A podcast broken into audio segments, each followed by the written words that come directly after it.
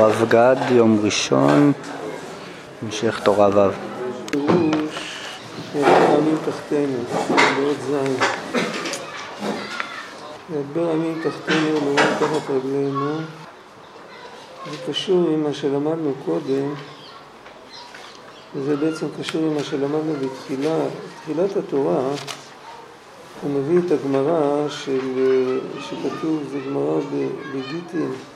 בני, בני אדם הקמים עליי ויש בידי למוסרם למלכות, מה לעשות איתם? אז הוא שלח לו חזרה, השכם וערב עליהם לבית המדרש והם קלים מעליהם. הוא, איך כתוב? הוא מביא על זה פסוק, דום להשם ויתחולל לו. אתה תקווה להשם והוא יפיל אותם חללים.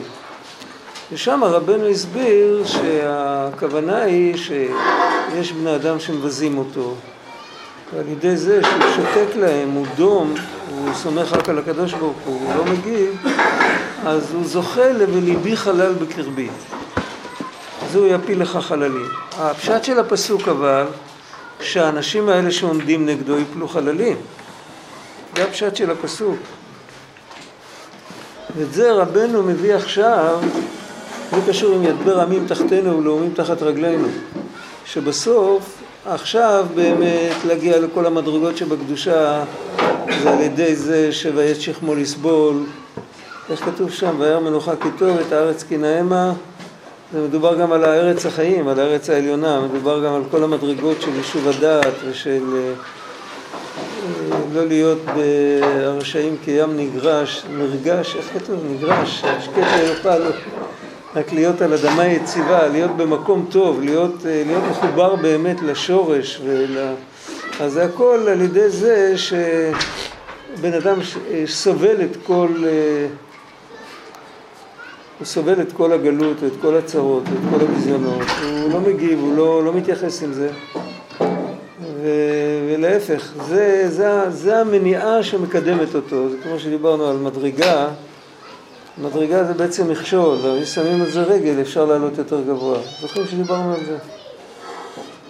אז זה, זה עכשיו, אבל עתידין ישראל ייתן עליהם את הדין. זה היה סוף הקטע הקודם. שבני ישראל נקראים אדם, והקדוש ברוך הוא נקרא אדם. אדם אתם, אתם קרואים אדם מצד אחד, ועל דמות הכיסא דמות כמראה אדם עליו מלמעלה. והעבודה שלנו זה שנהיה ראויים לשם אדם. שאנחנו באמת נקיים והלכת בדרכיו. ואם אנחנו נהיה ראויים בשלמות לשם אדם, וזה כולל גם במילה אדם, היה לנו בתחילת התורה את המילה דום, א' דם,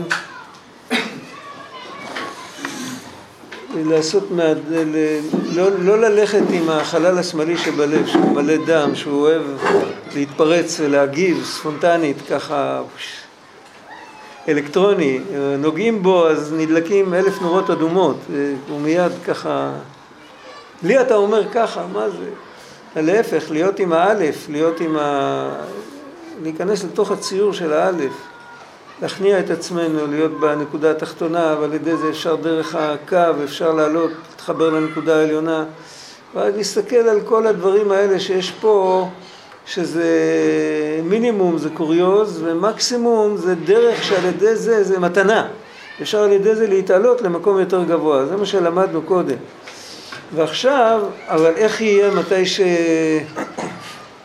כדיוקים קודשבריחו לשכינתם, מתי שהכל יסתדר וכל היחסים יחזרו להיות יחסים אמיתיים, עכשיו זה העולם הפוך. עכשיו דרך רשעים צלחה וכל זה, אבל כשהכל יסתדר באמת לעתיד לבוא, אז ישראל יהיו למעלה, וישראל באמת, האדם, האדם מישראל והאדם שיושב על הכיסא, זה יהיה פנים אל פנים לגמרי, זאת אומרת, זה יהיה כמו, כמו שהקרובים עומדים פנים אל פנים, שאחד אחד מבטא את האדם, האדם היהודי יבטא לגמרי את הנוכחות האלוקית בעולם עד הסוף, וזה יהיה בגלוי ואז כל הגויים הם יהיו הנקודה התחתונה, הם יהיו, ה... הם יהיו להפך, המגע עם הגוי זה הנקודה הכי תחתונה שיש ליהודי. גם עכשיו המגע, המגע עם הגוי זה הנקודה התחתונה, רק עכשיו הגוי רומס את היהודי, ואז יהיה ידבר עמים, ידבר עמים תחתינו. אז כבר לא יצטרכו לסבול ביזיונות כדי להזדכך וכדי... מה, ש... מה שעכשיו עושים זה כבר יעזור גם לאז. אז הכל יחזור ל... למצב הנכון. במצב האמת ישראל הם למעלה, הם למעלה מהכל. מחשבתן של ישראל קדמה לכל דבר, וישראל הם יותר גבוהים מהמלאכים אפילו. אז זה, על זה הוא מדבר פה, בעוד זין. זה פירוש ידבר עמים תחתינו ולאומים תחת רגלינו. זה בחינת חיריק, נקודה התחתונה של האלף, שהוא בחינת תחת רגליו, בחינת וארץ אדום רגלי. יבחר לנו את נחלתי, זה יתגלה אז, אבל יתגלה הצד הטוב שבחיריק. לא שאין ברירה וצריך אה, להיות שם מתחת לרגליים שלהם, אלא להפך, ידבר עמים תחתינו. ויבחר לנו את נחלתנו, זה בחינת משה. בחינת נקודה עליונה של האלף, בחינת ומימה לרקיע דמות כיסא, כל, הוא חוזר עוד פעם על כל מה שלמדנו בהתחלה, וכיסאו כשמש, דיברנו על זה באריכות, מה המשמעות של הכיסא, ו...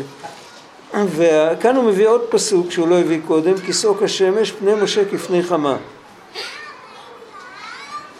וכמאמר חכמינו זיכרונם לברכה, רבי שמעון אומר נחלה זו שילה, כי לא באתם עד עתה אל המנוחה ואל הנחלה.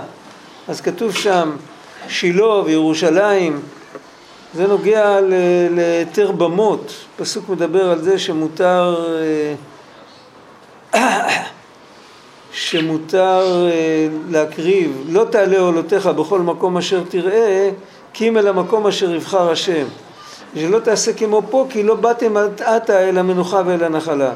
והמנוחה ואל הנחלה, אז ברגע שהיה מנוחה ונחלה, אז נאסרו הבמות. אז כל זמן שהמשכן עמד בשילה, נאסרו, נאסרו הבמות, זה עמד כמה מאות שנים שם. אחר כך הותרו הבמות עד שהיה בית המקדש בירושלים. אבל על כל פנים, כתוב שם שילה, שילה דם משה. נחלה זה שילה ושילה דם משה.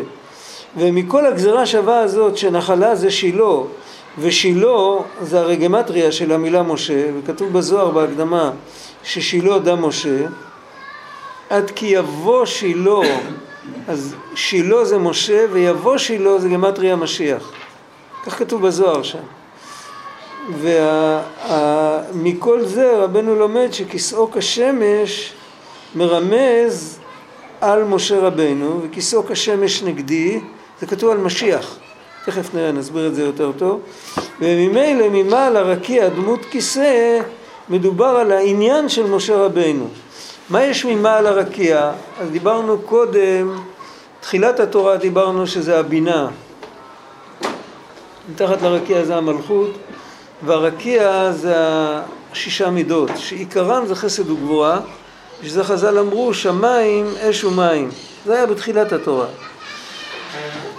יש מקומות שכתוב שרקיע זה סוד הדעת.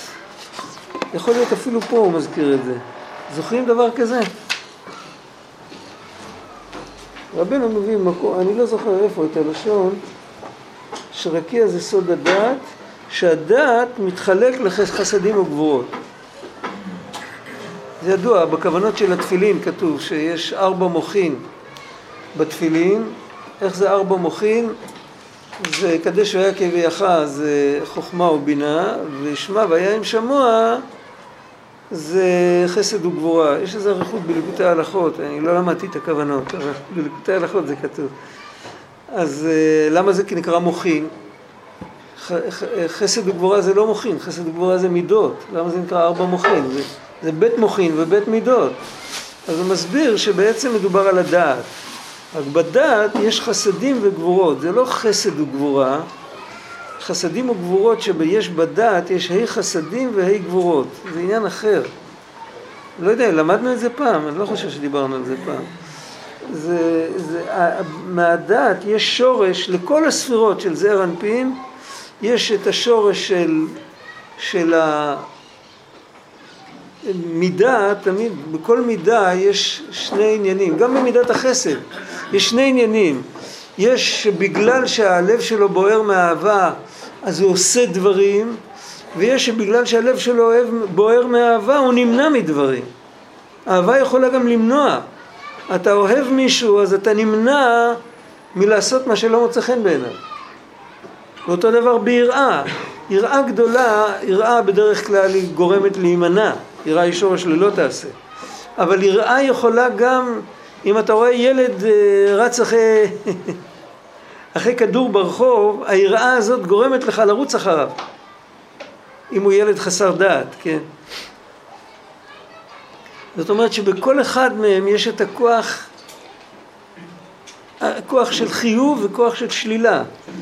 שניהם באים מהדעת, הדעת זה הנשמה של המידות כתוב בזוהר והכוח של החיוב שיש במידות, הכוח הפוזיטיבי, הכוח הפעיל זה, זה החסדים והכוח המונע, הכוח המעכב זה, זה הגבורות אבל זה בעצם בדעת. ולכן כשאומרים שרקיע הוא אש ומים אז פעם אחת מתארים רקיע אש ומים בתוך המידות שחסד וגבורה זה הרקיע. אפשר גם לתאר שרקיע זה הדעת, הרקיע עצמו זה הדעת. זה יותר, פה בתורה הוא מדבר שה, שהרקיע זה הסוד של חסדים וגבורות, או של חסד וגבורה, זה לא כל כך ברור למה הוא מתכוון, והכיסא דמתקסיה שהוא מעל הרקיע זה הבינה. ותמיד סוד הכיסא זה סוד של הבינה, דיברנו על זה באריכות כשהתחלנו את, ה, את התורה הזאת. אבל עכשיו הוא מדבר יותר על הדעת, כי משה לא, לא מצינו כל כך שייכות של משה עם בינה. מצאנו רק אה, את, את המאמר חז"ל שכולם השיג משה חוץ משאר החמישים. כולם ניתנו למשה, חסר אחת. אז כתוב שהם ניתנו למשה, אבל לא שמשה זה בחינת הבינה, אני לא זוכר. יכול להיות שיש באיזה מקום. אבל משה בדרך כלל זה או חוכמה, כי משה זה עניין של תורה שבכתב בעיקר. תורה שבכתב זה אל תשמע בני מוסר אביך. האבא נותן את הנקודה, התורה שבכתב נותנת תמיד את הנקודה. הרחבה זה בתורה שבעל פה. זה, אל תיטוש תורת אמך, זה תורה שבעל פה. אז משה מדברים בחוכמה, משה מדברים אותו בנצח, באושפיזין. משה ואהרון זה נצח והוד. ו, ועיקר העיקר מה שמדברים על משה זה בחינת הדעת. יש איזה ביאור ארוך בתניא בפרק מ"ב בעוד מקומות, רבנו מביא הרבה פעמים שמשה זה בחינת הדעת. פה הוא כותב שמשה זה הנקודה העליונה מעל, ה... מעל הרקיע. הרקיע זה המידות, ומשה זה הנקודה העליונה מעל הרקיע, אז קודם זה היה הכיסא, זה היה הדידקסיה, ועכשיו רבנו מביא שזה הדעת. קודם זה היה הבינה, ועכשיו רבנו מביא שזה הדעת. ו... ושניהם אמת, זה באופן כללי, זה כללות המוחין.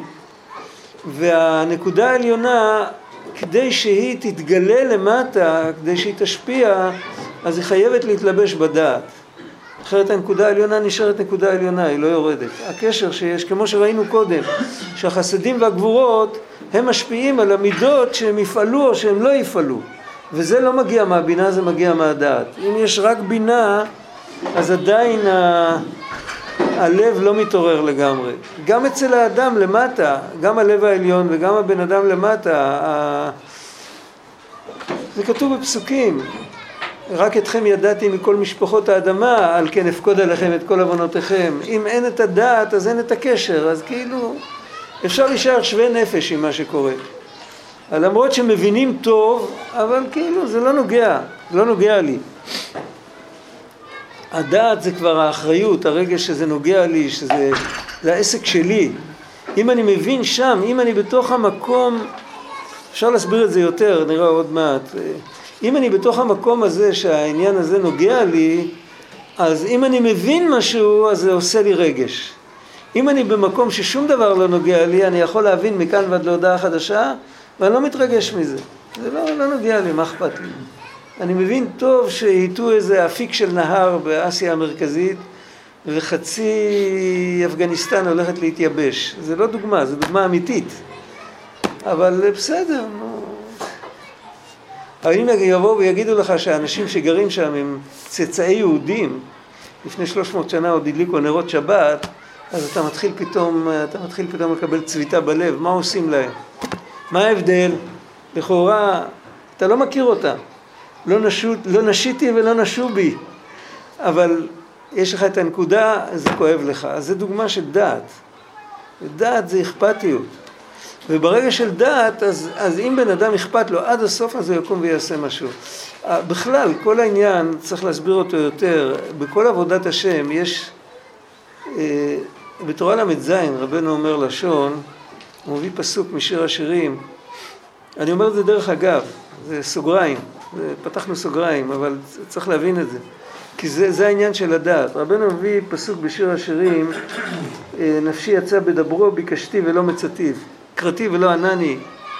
אז הוא כותב שזה אומר נשמה שמגולגלת בבעל חי, בעל חי כשר, שהיא מחכה ש...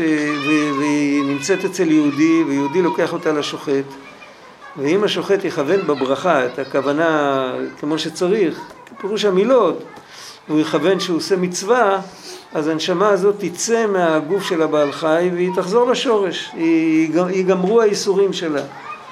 ואם השוחט לא יכוון כמו שצריך, אז היא תצא מהבעל חי והיא תבוא עוד פעם לאלה הממונים שמענים אותה וכל זה עד שהיא תמצא בעל חי אחר להיכנס.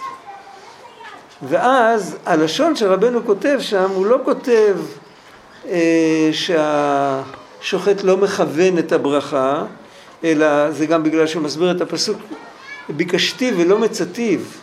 מה פירוש לא מצאתיו? הנפש המגולגלת אומרת, חשבתי שהשוחט נמצא בתוך הברכה. בסוף התברר לי שהוא לא נמצא בתוך הברכה. הוא לא אומר לא מכוון, הוא לא נמצא שם. מה ההבדל בין לא לכוון, לא, לא, לא להיות שם? זה דיוק, זה... כל התורה היא, נדמה לי שכתוב על זה לשון רבנו זכרונו לברכה, אתם יכולים לבדוק, נדמה לי תורה ל"ז, לשון רבנו, ושם כל מילה זה אומרת דורשני, אם יש מילה לא שגרתית, אז צריך להבין אותה. שם כתוב אינו נמצא כי באמת, יש לפעמים שבן אדם מכוון פירוש המילות. הוא לוקח תהילים עם אה, יסוד מלכות, הוא מסתכל, מכירים את האלה? השם ירחם. והוא, מסתכל, והוא יודע בדיוק, אה, או, או סידור, איך קוראים לסידור הזה המבואר, עם ה... איך? כוונת הלב. כוונת הלב, זה בכלל, זה... אתה עוד יכול להתפלפל למה במנחה הוא מסביר אחרת מה שבערבית וזה, ו... ואתה מבין לגמרי את הכל, אתה מבין לגמרי את הכל, אבל אתה לא נמצא שם, ככל שאתה מסתכל יותר בפירוש אתה פחות שם. אבל אם יש לך, רחמנא ליצלן, איזה מקרה בבית, ואתה מגיע לרפאנו, ואז אתה באמת כואב לך, אז יכול להיות שאתה לא מבין את כל דקדוקי הלשון ואת כל הזה, אבל, אבל אתה נמצא שם. ויהודי צריך להיות חכם. אפשר לזרוק אותך לתוך מקום כזה בגלל שיש חולה בביתך. בן אדם חכם לא מחכה שיכוונו אותו על ידי צרות וייסורים. הוא עושה את זה מיוזמתו.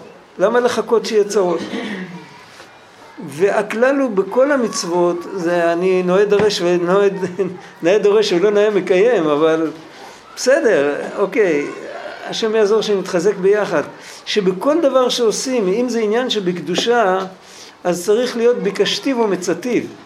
שאם יחפשו אותי, זה לא משנה אם שוחטים תרנגולת או שאוכלים פרוסת לחם, זה לא משנה, גם שם יכול להיות איזה ניצוץ שצריך לגאול אותו. ו... או שלומדים דף גמרא, אז גם כן יש בן אדם שהוא נמצא שם, יש בן אדם שהוא לא נמצא שם. בן אדם שנמצא שם, קודם כל הוא גם מבין את זה אחרת. זה, אם זה אכפת לו, הוא מבין את זה אחרת. עובדה, רואים שאם בן אדם מחפש בהלכה משהו שהוא צריך לדעת, כי הוא צריך לדעת פשוט איך להתנהג, אז הוא מחפש אחרת לגמרי, הוא גם, הוא, הוא חי את העניין. הוא, הוא שם לב לכל שינוי לשון הכי קטן, אחד שאכפת לו. אותו דבר יש פה, פה כל העניין של דעת, את הכוח הזה קיבלנו ממשה רבנו. זה הפשט של משה רבנו זה הדעת. הכוח, יש לנו משה רבנו לכל אחד בתוך הנשמה שלו. זה שקיבלנו דעת מאת השם, זה שיש לכל, המשמעות של זה שיש לכל יהודי את הכוח של משה רבנו. ומשה רבנו היה לגמרי איפה שהוא היה, הוא התפלל שימחלו לעם ישראל, אז אם אין מחנינה. משה רבנו זה הדוגמה של להיות משהו עד הסוף, לחיות משהו עד הסוף. על ה... להיכנס לארץ ישראל, הוא הפסיק להתפלל כי השם אמר לו רב לך. אם לא היה מתפלל עד היום הזה, לא היה דבר שעצר אותו. הוא עלה להר, אז לחם לא אכל ומים לא שתה, כי הוא היה לגמרי שם. זה הדוגמה של משה רבנו. השם שולח אותו לפרעה, אז הוא חוזר, הוא עומד לפני פרעה, הוא ברח מפרעה, זה היה פרעה אחר, לא משנה. אבל הוא עומד לפני פרעה ולא עומדים ככה לפני מלך, עם דפיקה על השולחן, תשמע, זה... זה אחת דתו להמית בן אדם שעושה, גם משה רבנו לא מעניין אותו, הוא לא רצה להיכנס לשליחות הזאת, אבל אחרי שהוא נכנס לזה, אז הוא נכנס לזה עם כל הרמ"ח, עם כל השסה, עם כל הזה, זה הכוח של הדעת, להיכנס למשהו עד הסוף. עד כמה ש... מה פירוש עד הסוף? עכשיו פה צריך להבין, מה פירוש עד הסוף? עד הסוף זה כמה כוח שיש לי. כמה שאני יכול כרגע. אני לא יכול להיכנס עד הסוף לגמרא כמו הגאון מווילנה, כי אין לי את הכישרונות שלו. אבל להיכנס עד הסוף עם הכישרונות שלי, אני כן יכול. כי את זה יש לי. על כל פנים, את זה צריך לקבל ממשה רבנו, וזה מרומז ב... יבחר לנו את נחלתנו.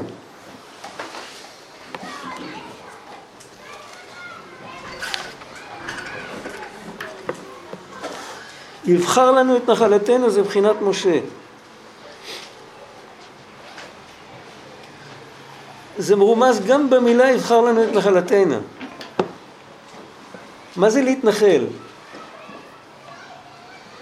להתנחל זה לשלוח שליח לאיזה מקום. אה, להשאיר שם את התיק.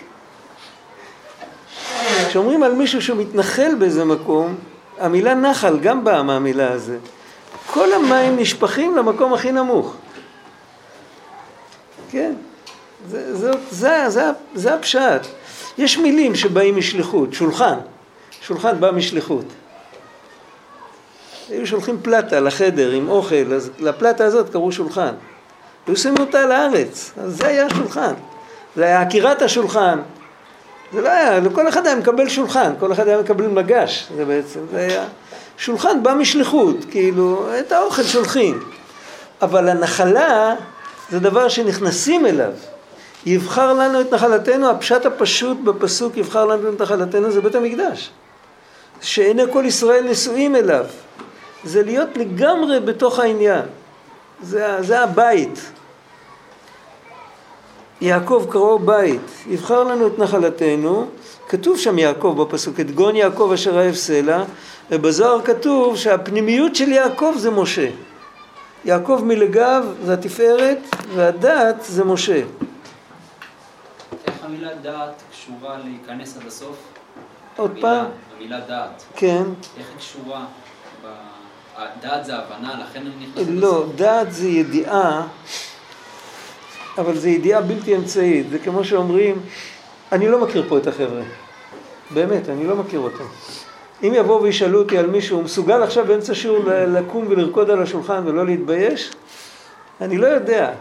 אבל בבית אני מכיר את החבר'ה, כן? וישאלו אותי, אני אסתכל על הבן אדם, איך שאני מכיר אותו. על אחד אני אגיד כן, אחד אני אגיד לא. איך אני יודע? איך אני יודע? אתה גם יודע הרבה דברים בצורה כזאת. איך אתה יודע אותם? אתה יודע שפלוני לא ילך לגנוב. על מישהו אחר אתה יכול להגיד אני לא יודע, אני, אני מאמין לו בחזקת כשרות, אבל פלוני לא יכול להיות. איך אתה יודע? כי אתה מכיר אותו, דעת זה הכרה. זה לא הבנה, זה לא הסקה לוגית, זה משהו הרבה יותר חזק.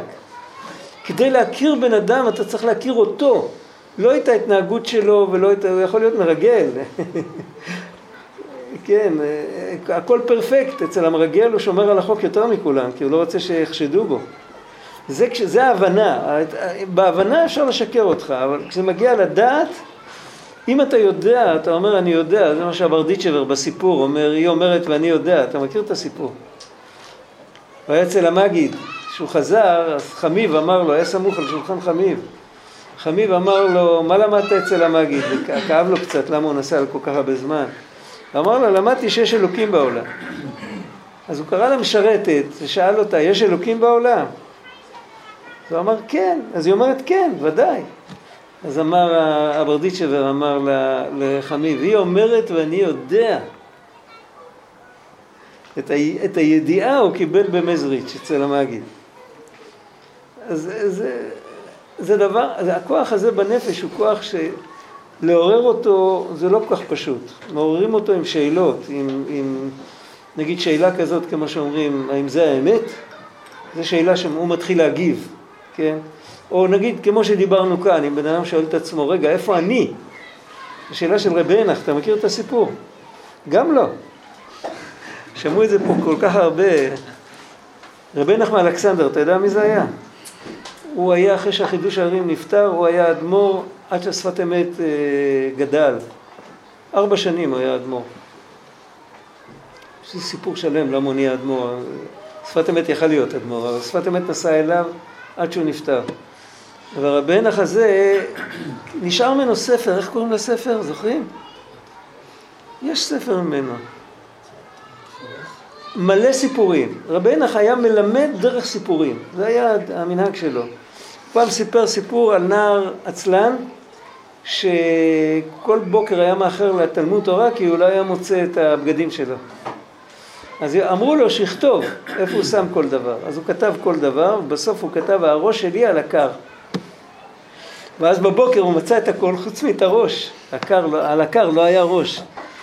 ואז הוא התחיל, התחיל לחפש איפה אני, ואז רבי עינך הרים את הקול שלו ושאל, אבל איפה אני? יש לי את המכנסיים, יש לי את הנעליים, יש לי את התיק, יש לי את הסידור, יש לי, אבל איפה אני? זו שאלה שמעוררת את הדעת. זה ברור. אז, וזה בדיוק, את הכוח הזה מקבלים ממשה רבנו, שאנחנו נהיה לגמרי בתוך העניין. זה הנקודה העליונה. וכמובן שבן אדם שעדיין שומר על הכבוד שלו ומקפיד לא לחטוף ביזיונות ולא זה, אין לו זמן לחפש את האני, הוא צריך לחפש את, ה, את הראי, את התמונה בראי, את התמונה שלו בראי, איך הוא נראה לאחרים. מתי יש לו זמן לחפש את האני? הוא כל הזמן מסדר את הכל שזה ייראה יפה.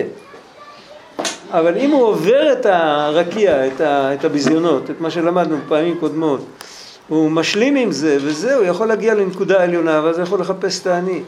אז זאת אומרת, יש כאן נקודה נוספת על מה שלמדנו קודם. נקודה קטנה, אבל חשובה.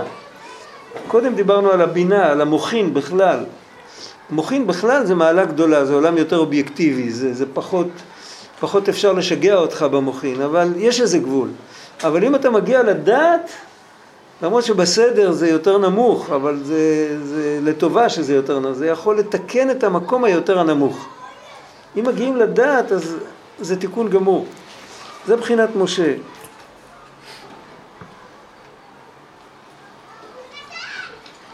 בחינת נקודה עליונה של האלף.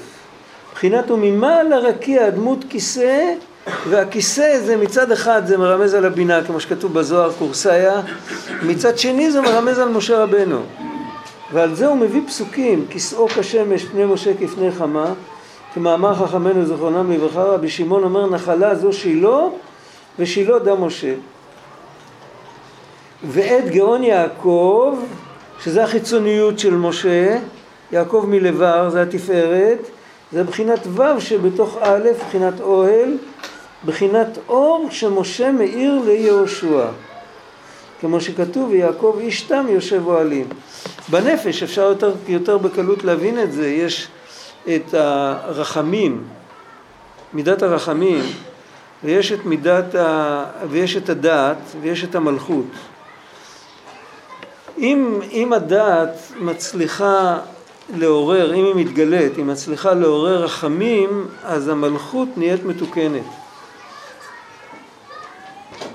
כתוב בפסוק, קראנו את זה בפרשת שבוע שעבר, ויש, וישק יעקב לרחל, וישא את קולו ויבק.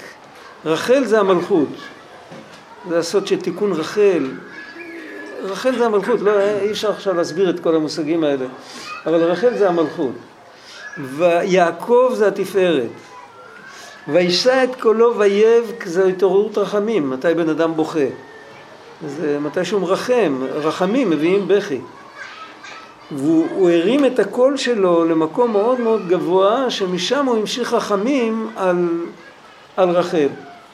וזה בעצם העבודה של כל יהודי שצריך לרחם גם על רחל באופן כללי וגם על רחל באופן פרטי. יש רחל באופן כללי שזה כנסת ישראל, ויש רחל באופן פרטי שזה המלכות של האדם. המלכות של האדם זה עד כמה הוא מקבל על עצמו מלכות שמיים. עד כמה המחשבות שלו הן מבוררות, המעשים שלו, הדיבורים שלו, עד כמה הוא חייל, בוא נגיד ככה, כן, עד כמה הוא, הוא שומע בקול השם. פה על זה יש צריך הרבה רחמים, כי אנחנו כולנו צריכים הרבה רחמים בעניין הזה, המון המון רחמים. אנחנו לא שמים לב איך שהזמן עובר, איך שזה עובר, איך שכל מיני, צריך הרבה רחמים. וצריך לעורר רחמים, איך אפשר לעורר רחמים? אז לעורר רחמים זה, הפנימיות של יעקב זה משה. אם יודעים לשאול את השאלות הנכונות, את עצמנו, ומקבלים את התשובה מהדעת, אז מתעורר, מתעורר הרחמים, כי הדעת והרחמים עומדים באותו, בקו האמצעי. הרחמים זה החיצוניות של הדעת. הרחמים זה הנוכחות של הדעת בתוך עולם הרגש. וכשיש דעת, אז יש רחמים, ואז גם המעשים משתפרים. והוו, הרחמים, זה האור שמאיר משה ליהושע. יהושע זה כמו רחל, זה ה... מה, מה עיקר התפקיד היה של יהושע? להכניס את בני ישראל לארץ ישראל, ארץ ישראל זה בחינת מלכות. יהושע זה כמו רחל, משה זה הדעת, ויעקב זה הממוצע בין משה ליהושע, זה לא תמיד מסתדר עם ההיסטוריה. אז זה כמו באושפיזין, אנחנו גם כן לא הולכים לפי סדר, יוסף נמצא ליד דוד, זה, זה, ככה זה, בטח יש על זה גם איזה דרשה באיזה מקום, אני לא מכיר, אני לא יודע, אבל כנראה שככה זה צריך להיות. כמו שכתוב, ויעקב איש תם יושב אוהלים.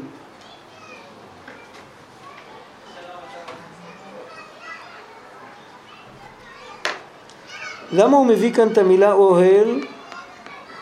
מה נוגע לנו אוהל? כי כל התורה מדברת על ויאמר השם אל משה, קרא את יהושע, והתייצבו באוהל מועד. אז כדי שמשה ישפיע ליהושע, תכף נראה, זה לא כל כך פשוט שם, אז זה צריך להיות על ידי זה, הממוצע זה אוהל מועד. האמת שלא כתוב שם שמשה ידבר עם יהושע, לא כתוב קרא את יהושע ויתייצב לפניך באוהל מועד ותצוונו, לא ככה כתוב. מי שזוכר את הפסוק, מה כתוב? קרא את יהושע והתייצבו באוהל מועד ואצוונו. ולכאורה היה יכול להיות כתוב שלח את יהושע לאוהל מועד ואצוונו. אבל משה רבנו היה צריך להיות שם. כי מי שמחבר את יהושע לקבל נבואה מאת השם, זה העבודה של משה רבנו. והאוהל זה אוהל יעקב. יש הרבה אצל רבנו שהוא מדבר על אוהל, אז uh, יש תמיד בחירה לאדם לאן ללכת. אם ללכת לאוהל של יעקב או לאוהל של עשיו. האוהלים שלהם קיימים עד היום. כל האוהלים שכתוב בסוף הפרשה הקודמת, אוהל רחל, אוהל לאה, היום זה הפך להיות שמות של בתי כנסת, בתי מדרש, כל מיני כאלה, זה קיים עד היום ולכל יהודי יש בחירה באיזה, לאיזה אוהל, אם זה בקדושה הוא צריך לדעת לאיזה אוהל הוא שייך, אבל העיקר שלא ילך לאוהלים של עשיו ושל לבן ושל אני לא אעבור אליך, אתה לא תעבור אליי, צריך, את ההבדלה הזאת צריך, המבדיל בין קודש לחול, צריך לשמור על זה. אם צריך ללכת לשם אז זה, זה, זה לרדת לגלות, ככה צריך להתייחס לזה, לא, לא ללכת לקבל מזה הנאה. וזהו בחינת שלושה דברים שנצטוו ישראל, שיכלו זרעו של עמלק, על זה יש ביאור ארוך בהמשך. יכלו זרעו של עמלק, זה יד ברמים תחתינו, זה הנקודה התחתונה, ולמנות להם מלך, זה בחינת גאון יעקב, זה הק... הקו של האלף, שזה הרקיע, זה בין הנקודה התחתונה לנקודה העליונה. ולתלות להם בית הבחירה זה בחינת משה, בחינת דעת, שזה הנקודה העליונה. והסדר הוא, כתוב בגמרא, הסדר מתחיל מהאמצע. כמו בתורה. בתורה איך הוא מתחיל, מי שרוצה לחזור בתשובה, עיקר התשובה זה שמע בזיונו יום וישתוק. מה זה ישמע בזיונו ועד יום וישתוק? זה לא הנקודת, זה, זה, זה, זה האמצע. על ידי זה הוא עושה את עצמו לנקודה תחתונה, אבל איפה הוא נמצא? הוא נמצא באזיל סומקה ואתי חיברה, בחסד וגבורה של הרקיע.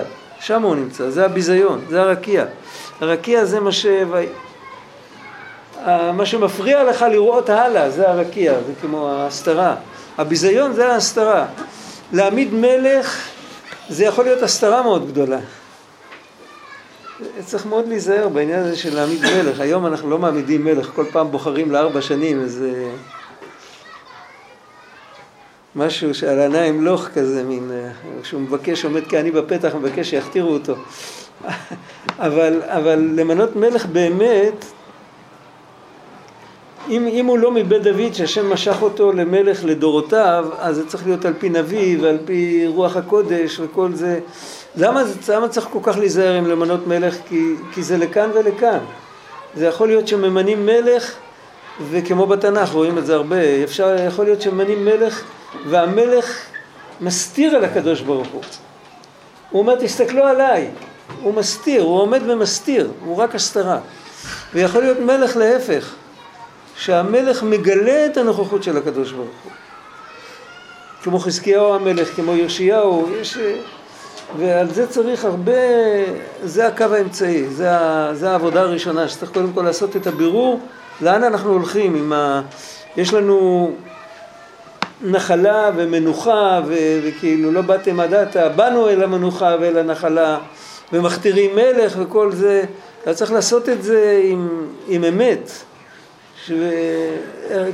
כל זה כתוב במה ששמואל אמר לישראל כשהם ביקשו מלך, הוא אמר אם לא תשמעו אז גם אתם, גם מלככם תספו. ככה זה כתוב שם, כי, כי זה, אם זה רק דבר שמסתיר אז לא צריך את זה, אז עדיף בלי מלך. עדיף איש הישר בעיניו יעשה, כי אז לפחות חלק יעשו את הישר בעיני השם. אבל ברגע שיש מלך הוא סוחב את כולם לכיוון שלו. אז דבר ראשון צריך לתקן את העניין הזה של המלך, וגם בנפש, הנקודה של המלכות בנפש, לא המלכות מצד הנקודה התחתונה של קבלת עול מלכות שמיים, רק יהודי הרי צריך להיות מלך, יש, יש דעה שכל ישראל בני מלכים הם, ויש דעה שכל ישראל מלכים הם, יש לשון כזה בחז"ל. יהודי צריך להיות תינוק, הוא צריך להיות חייל, הוא צריך להיות שר, הוא צריך להיות מלך. צריך להיות הכל, והוא צריך להיות כל אחד מאנשי המלך, מי שזוכר את הסיפור של הבעל תפילה, שיש שם עשרה, יש שם גם תינוק, יש שם את הכל. יש שם מלך ומלכה ואוהב נאמן ומליץ ומליץ יושר וחכם ו... וגיבור, יהודי צריך להיות הכל. רק מה, כמו שאמר רב שמחה בוני מפשיסחה, שצריך תמיד להחזיק בכיס בכל כיס, פעם אחת את האנוכי תולעת ופעם אחת ויגבה ליבו בדרכי השם. אבל צריך שיהיה את שניהם. יהודי צריך להיות מלך ובעניין, יש עניין של גאון יעקב, דיברנו על זה לא מזמן, זוכרים? איך, ויגבה ליבו בדרכי השם, אתם זוכרים שדיברנו על זה? זה, שמעתי את זה בעל פה, אני לא, לא ראיתי את זה כתוב, את הפירוש הזה. זה היה, מי שאמר את הפירוש היה הרב הראשי של ריגה שנהרג בשואה. מלפני, כשריגה עוד לא הייתה רוסיה, היא הייתה לטביה. הוא היה יהודי גדול מאוד. הוא הסביר את הפסוק ויגבה ליבו בדרכי השם, שזה על דרך כמו שרואים בגשמיות, רואים שחיילים הולכים ברחוב אז כולם זזים הצידה, ככה היה המנהג אז. וכשבן אדם הולך ברחוב אז אה, הוא, הוא זז הצידה מכל דבר יותר גדול ממנו ולכאורה לבחירה פלאיה זה הפוך. החייל, חייו אינם שווים מאומה, הוא היום פה, מחר הולך להיהרג בשביל המלך למה צריך לתת לו כבוד? הוא עין ואפס האזרח הוא לפחות עומד ברשות עצמו אז הוא אמר שהיא הנותנת, בגלל שהחייל הוא עין ואפס אז כשחיילים הולכים ברחוב אז המלך הולך ברחוב זה הפשט ויגבה ליבו בדרכי השם. זה לא הגאווה שלו. היום יש משהו, אני לא יודע אם היום זה קיים. היה פעם משהו שהיה נקרא גאוות יחידה. כן. זה משהו מעין זה, כן, זה גם עם המון המון אגו, אבל מה שהוא דיבר, הוא דיבר על ביטול גמור, ככל שויגבה ליבו בדרכי השם יותר, הצדיק הזה שמגיע ל... על מי כתוב ויגבה ליבו בדרכי השם? על יהושפט מלך יהודה. הוא היה יהודי גדול, הוא היה ויזק יהושפט וענה, והשם ענה לו, הוא היה אחד ממלכי ישראל הכשרים. אז עליו כתוב ויגבה ליבו בדרכי השם, וזה כתוב לחיוב, וזה שיא הביטול, שיא, שיא ההתמסרות להשם יתברך, זה מתבטא דווקא בעניין הזה של להיות מלך. זה לא דומה אם אני מתבטל להשם ואני נמושה, או שאני מתבטל להשם עם אופי של מלך. זה ברור? כשמלך מתבטא למישהו, אז הוא הופך את העולם. זה לא איזה מישהו סתם, זה המלך.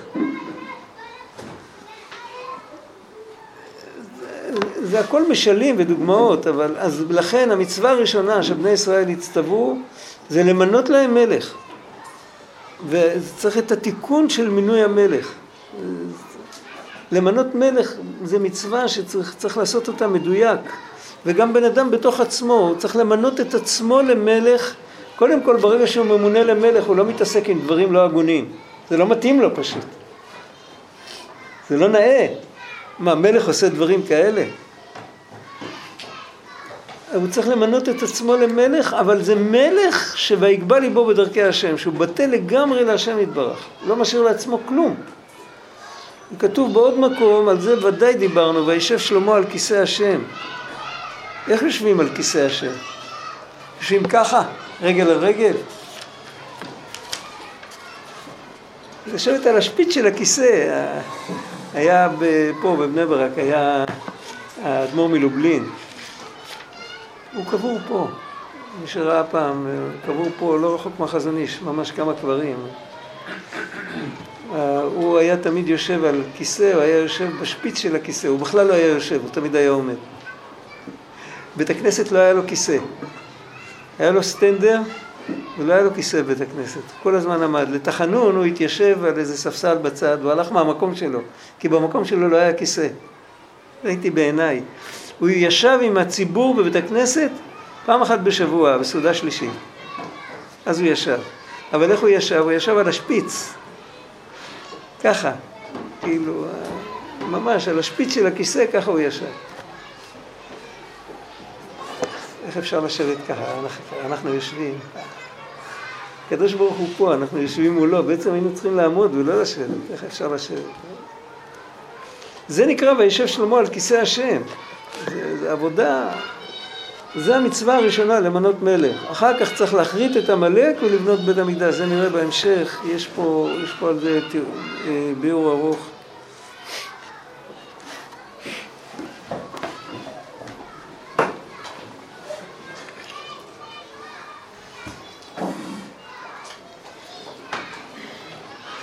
זהו, מסימן עד כאן לשון רבנו זיכרונו לברכה. זהו פירוש, ויאמר השם אל משה קרא את יהושע, זה כבר כתיבה של רבי נתן. משה הוא נקודה עליונה ויהושע הוא נקודה התחתונה והתייצבו באוהל זה בחינת רקיע, בחינת הוו שבתוך האלף ועצבנו זה כתוב על השם יתברך אבל איך התבצע ועצבנו? כי משה היה צריך למסור אז הכל ליהושע. ואין שלטון ביום המוות, כי בשעת הסתלקות הצדיק אין לו שליטה וכוח להעיר ליהושע, על כן דייק ועצבנו אני בעצמי, כי חזרה הממשלה לקדוש ברוך הוא. אבל בעצם זה משה מעביר את השרביט ההנהגה ליהושע, רק הוא כבר לא יכול לעשות את זה, אז הקדוש ברוך הוא לוקח ממנו את ההנהגה ונותן ליהושע.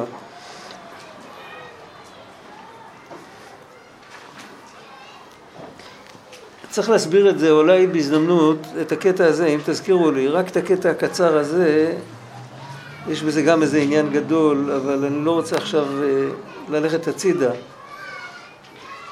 וכלל כל העניין כלול בתמונת א', שהוא נקודה עליונה, נקודה תחתונה הוא ו', ודוק מאוד. זה כאילו קיצור של כל מה שלמדנו קודם. והוא עניין שאמרו חכמינו זיכרונם לברכה, פה נותן ביאור, שקודם כניסת ישראל לארץ הוזהרו לקיים שלוש מצוות, הם לא קיבלו את המצווה בארץ, הם קיבלו את המצווה בעבר הירדן עוד. משה רבנו אמר להם את זה. להכרית זרעו של עמלק ולבנות להם בית, בית הבחירה או למנות להם מלך. להכרית זרעו של עמלק, כשהם יצאו ממצרים כתוב שם כי מחו אמחה את זכר עמלק. אבל בספר דברים, שמתי נאמר ספר דברים?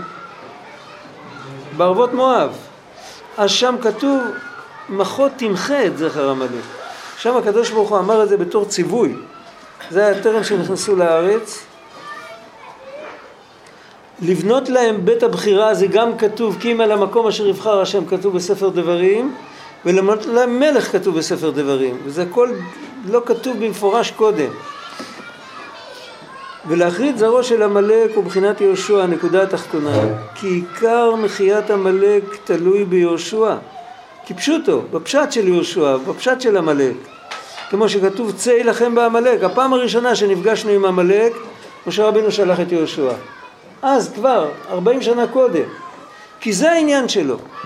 להכרית את עמלק צריך את יהושע, צריך לחשוב על זה, מה זה אומר, מה הפשט. תכף נראה. וכמו שכתוב, צא יילחם בעמלק וכמבואר בזוהר העניין. בפשטות, אני לא הסתכלתי בזוהר, בפשטות צריך להסתכל שם, לא עשיתי טוב שלא הסתכלתי. אבל אה, צריך להסתכל. אבל בפשטות, איך שזה מובן לפי מה שלמדנו עד עכשיו, במקומות יותר גבוהים אין צורך להכרית את עמלק כי אין שם עמלק. זה ברור. עמלק זה קליפה שכל המציאות שלה יכולה להיות אחרי, אחרי המלכות. התפקיד של המלכות זה לתרגם את כל האורות של האצילות, את כל החיות של האצילות, לתרגם את הכל שיוכל להיכנס, לא לתרגם משפה לשפה, לתרגם מדרגה למדרגה, לתרגם את הכל שזה יוכל להיכנס לעולמות בריאה, יצירה, עשייה.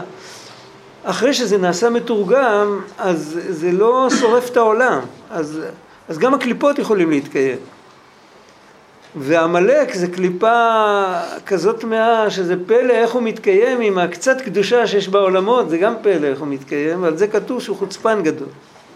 מלכותא בלא תגה קליפה של עמלק זה קליפה של חוצפה והיא יונקת בהסתרה היא יונקת מהמקיף העליון היא יונקת ב, ב, בדרך אחרת היא יונקת מה, מהגאווה לג, למעלה מהזה ואם יהודי מתגאה אז הוא ממשיך כוח לקליפות ממקום שהם לא ראויים לקבל. ככה הם מקבלים מהתחתית, מהמלכות, ולא סתם מהמלכות. הרגליה יורדות מוות על ידי הרבה צמצומים, אז גם הקליפות מקבלים. כתוב בזוהר, אני חושב שזה זוהר אחר, זה לא הזוהר הזה. כתוב בזוהר שזה כמו שזורקים את העצמות מתחת לשולחן, באים הכלבים לאכול. הזוהר מתאר סעודה אצל המלך. אבל אם יהודי חוטא, אז כמו שהוא לוקח את הכלב ושם אותו על כיסא, ונותן לו מנה. ואז אז הכלב כבר לא צריך ללכת מתחת לשולחן, הוא יכול לקבל כמו כולם. מה החטא? החטא הוא שהוא מתגאה. אם יהודי חוטא בתאווה, אז זה כמו שהוא זורק מנה טובה לכלב מתחת לשולחן. זה גם לא ראוי. אבל אם הוא חוטא בגאווה, אז כמו שהוא לוקח את הכלב ושם אותו על כיסא, על מקום פנוי ליד השולחן, אז הוא מבזה את המלך. זאת אומרת, בעצם הקליפות יכולים לינוק רק ממקום מאוד נמוך. ואם יהודים חוטאים בגאווה, אז הם יכולים לינוק גם, גם עמלק יכול להגביה עצמו, זה הסוד של אם תגביה עצמך, אם תגביה כנשר, הם יכולים לינוק ממקום יותר גבוה. ומי יכול לתקן את זה? מי שאף פעם לא מגביה את עצמו. מי שאף פעם לא מגביה את עצמו, הוא נבחר לתקן, לסגור להם את היניקה, כי הוא כל כך נקי בעניין הזה שהוא לא יכול לראות את זה. אני אספר לכם סיפור, אז תבינו. סיפור סיפר, סבא שלי סיפר, שאבא שלו היה סוג של צדיק נסתר כזה, הוא היה, כשהיה מתפלל בבית, היה לוקח לו תפילה חמש שעות, כשהוא התפלל בבית כנסת הוא היה גומר תפילת עמידה לפני כולם. יש הרבה וורטים כאלה מסביב אה, לעניינים האלה. והוא היה, אה, פעם היה, התארחו אצלם איזה משפחה, בני דודים, אני יודע, היה להם ילד שהיה בעריסה והיה לו מחלת נפילה. אצל ילד שעוד לא הולך, אז מכירים את זה עם הפרכוסים ועם הזה, זה נורא ואיום, זה כאילו... ואז אה, הוא, הוא סיפר, הסבא סיפר, האבא שלי נעמד מול הילד, והסתכל עליו, הוא הפסיק לפרכס, והמחלה לא חזרה אליו. וזה היה כאילו, כאילו הפך הדרך שלו, הוא תמיד, אה, תמיד חיפש אה, להחליק את העניינים האלה, לא להיות, אה, לא להיות מפורסם, לא של אמת ולא של שקר, הוא לא רצה. אז שאל אותו, הוא היה בן הבכור, הסבא, שאל אותו, אבא, מה זה הדבר הזה, כאילו, מה, מה עשית? אז הוא אמר לו, מה אתה לא מבין? בגמרא, בשולחן ערוך, כתוב שיש כמה עניינים שאם לא נזהרים בהם כמו שצריך, אז הילדים, זה קורה להם המחלה הזאת. זה ידוע. כל עניינים של צניעות, כל מיני... ואם מישהו נזהר בתכלית, מי שנזהר, אז אין לו את זה לילדים שלו. מי שנזהר מזה בתכלית, אז הקדוש ברוך הוא עוזר לו שהוא גם לא יכול לראות את זה. זה ברור? טוב, עשה מזה כלום, בסדר. אומר, אני נזהר מהדברים האלה בתכלית, אז, אז השם לא רוצה שאני אראה את זה, הסתכלתי עליו, ידעתי שזה יעבור ממנו. זה פלא גדול הדבר הזה, אבל על כל פנים, פה רואים שזה נכון, זאת אומרת, זה, זה באמת, יהושע הוא נקי בתכלית מגאווה, אין, אין עוד דמות שהיא לגמרי כאילו, כל, כל המציאות שלו, איך כתוב שם בגמרא, הוא היה מסדר את הספסלים, הוא היה משרת משה. ואז כשהוא מסתכל על עמלק, עמלק צריך לאמוג. הוא לא, לא יכול להיות מציאות כזאת, כי כל המציאות של עמלק היא נמשכת מהחוצפה ומהגאווה שלנו. הוא יונק, הוא יונק מהמקיף העליון.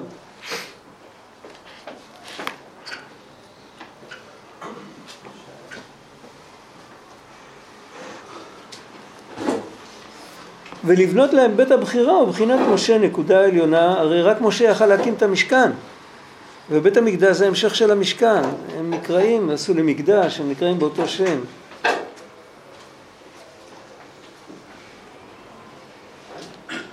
כי מי שיש בו דעה כאילו נבנה בית המקדש בימיו, הוא משה, הוא בחינת הדעת. ולמנות מלך הוא בחינת רקיע, הוו שבתוך האלף, כמו שכתוב, דרך כוכב מיעקב, שקאי על שיקום מלך מיעקב. ודרך כוכב הוא בחינת רקיע שיש בו כוכבים ומזלות. זה בדיוק אותה נקודה כמו שדיברנו קודם, כי ירא שמך מעשה אצבעותיך ירח וכוכבים אשר כוננת, מה אנוש כי תזכרנו. מה עשו הגויים? השתחוו ל... זה בדיוק הנקודה, הבחירה שאמרנו במינוי מלך, זה בדיוק מרומז בפסוק הזה. היינו מיעקב, והיינו מיעקב כי יעקב איש תם יושב אוהלים מבחינת רקיע כמו שכתוב וימתחם כאוהל יעקב זה הרקיע זה המקום שבתוכו יש את הכוכבים ואת המזלות ואפשר לקחת את זה לכיוון הזה אפשר לקחת את זה לכיוון הזה. ויעקב תיקן את המקום הזה היה איש תם יושב אוהלים כמבואר בזוהר שיעקב הוא בחינת ו' כי שלוש מצוות אלה הם בחינת תשובה ואבן עכשיו עד כאן זה מה שרבנו דיבר בשבת, זה היה שבת תשובה, אה, מה זה היה תקס"ג אם אני לא טועה. מוצאי שבת, אז הדרך היה שהיו נכנסים, לא, לא, כל, ה, לא כל האנשים היו נכנסים, היו נכנסים תלמידים המבוגרים, היה רב יודל ורב שמואל אייזיק, ואלה התלמידים הוותיקים, היו הרבה יותר ותיקים אצל רבנו מרבי נתן. והיום היו יהודים מקובלים גדולים וכל זה, והיו כאלה שלמדו את הקבלה על פי הוראתו ופקודתו של רבנו, והם נכנסו, ורבנו שאל אותם, הם, הם, הם חזרו על התורה, ואז רבנו שאל אותם איפה מרומז בסידור האריזל כל מה שדיברנו בשבת, והם לא ידעו להגיד. ואז רבנו לקח את סידור האריזל והוא הראה להם איך שהכל מרומז בתוך הכוונות של, ה, של הזה. והוא הראה להם איך שכל התורה שהוא דיבר אפילו כל מיני ביטויים וזה, הכל מרומזים לשמות, רק זה ברמז. שלא יהיה יד הכל ממשמשים בו, רבנו לא לימד קבלה. שכל העולם היו שם, שכולם שמעו, אז הוא דיבר ככה.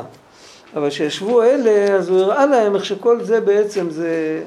ויש על זה הרבה לדבר, מה, מה העניין, לקחת עניין, אה, כאילו בעצם זה כל התכלית של הקבלה, זה לעשות מזה עבודת השם. אבל למה דווקא צריך את הקבלה? אפשר גם לקחת איזה משהו אחר ולעשות מזה עניין של עבודת השם. אז צריך להסביר את זה יותר. נשארתי לכם חייב. פה יש איזה עניין.